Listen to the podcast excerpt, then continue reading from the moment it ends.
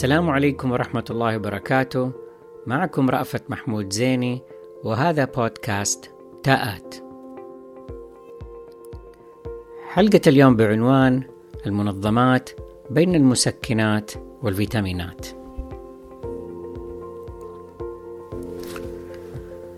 طالما كانت فكرتك أو دورك مثل الفيتامين وليس مثل مسكن الألم بين كيلر فإن فرص قبول فكرتك أو تقدير دورك تتضاءل بشكل كبير.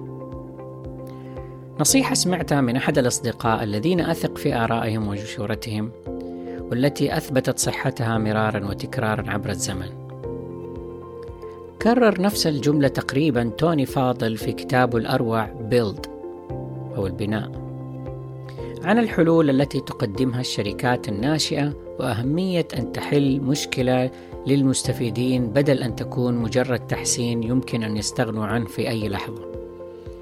كلام توني له وزن ثقيل، فهو مهندس قدير ورائد أعمال عريق ابتكر الآيبود وقاد فريق تطوير الآيفون في أبل ثم غادرها وهو في قمة تألقه لتحقيق حلمه ببناء أجهزة منزلية ذكية فأسس نست لتطوير الثيرموستات والتي استحوذت عليها جوجل بعد ذلك ولكن ليس هذا مجال حديثنا عن توني وربما نتحدث عنه في وقت لاحق. توقفت كثيرا عند ذلك التشبيه الذي يعظم دور المسكنات وحل المشكلات بدلا عن الفيتامينات المرتبطة بالتحسينات. فمن المعلوم أن المسكنات سريعة المفعول يمكن الإحساس بأثرها لحظيا كي يتمكن الإنسان من تحمل الآلام الموجعة فيتحرك أو ينام في سلام. بينما الفيتامينات تراكمية الأثر طويلة الأمد. لا تظهر نتيجتها لتحسين الصحة العامة سريعا. في نفس الوقت فإن الاستمرار على المسكنات يضعف فعاليتها ويتطلب زيادة جرعتها وقد يدخل الإنسان معها في حالة من الإدمان الذي يصعب الانفكاك عنه. بينما يظهر أثر اتزان مستويات الفيتامينات على ضبط عمل وظائف الأعضاء وفعالية نظام المناعة وتناغم أداء جميع أجهزة الجسم. وتكمن الإشكالية في أن إهمال تدهور مستوى الفيتامينات قد لا يظهر أثره سريعا إلا على هيئة أعراض متفرقة هنا وهناك حتى تصل إلى مرحلة معينة من الانحدار الذي يصعب تداركه إلا بجرعات مركزة. ولكن هيهات هيهات فمن الصعب أن تظهر فوائدها بنفس سرعة تناول المسكنات وليعذرني الإخوة الأطباء إن كنت أخطأت في أي من هذه الشروحات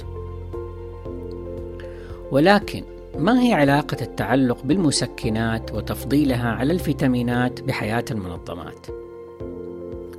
إن تباعد الزمن بين الفعل وأثره الإيجابي أو السلبي مثل ما هو حاصل في الفرق بين أثر المسكنات والفيتامينات قد يوقع المنظمات في فخ تفضيل المهم والعاجل على ما هو مهم وغير عاجل بشكل دائم.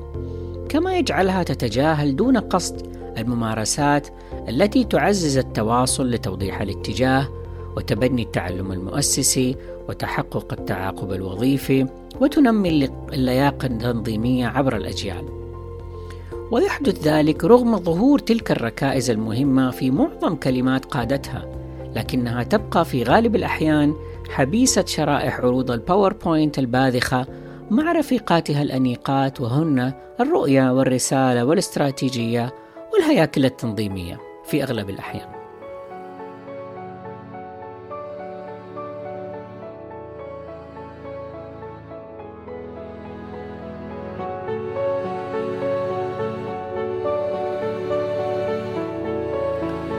في كتابه الثمين المجال الخامس الفن والممارسة للمنظمة المتعلمة The Fifth Discipline The Art and Practice of the Learning Organization.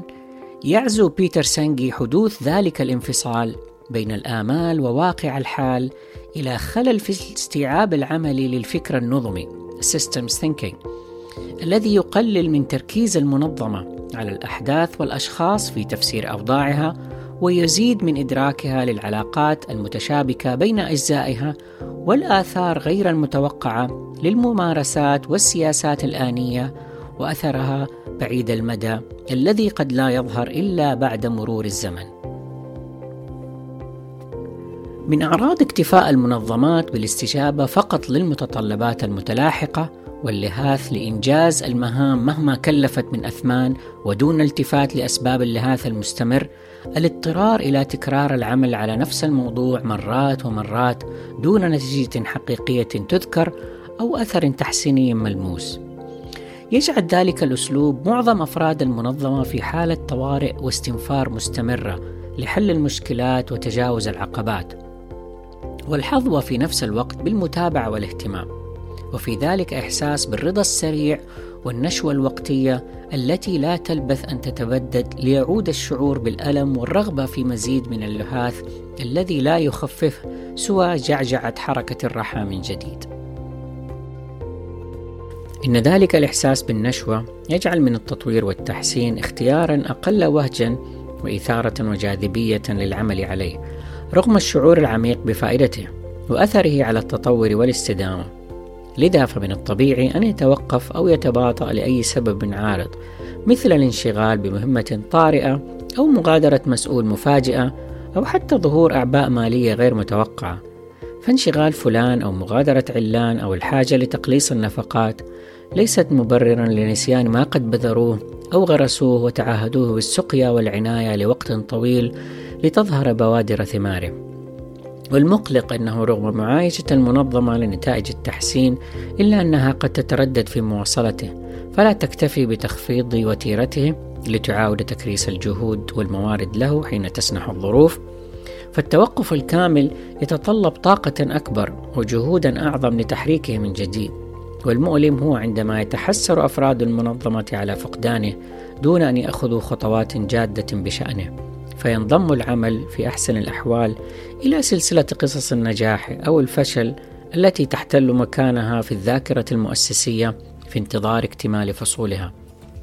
وليس ذلك عيبا في المنظمة أو تكاسلا منها فهي في خضم محاولات بقائها وسط التيارات التي تتقاذفها قد جرفتها دوامة إدمان المسكنات عن اللحاق بعوامة الفيتامينات.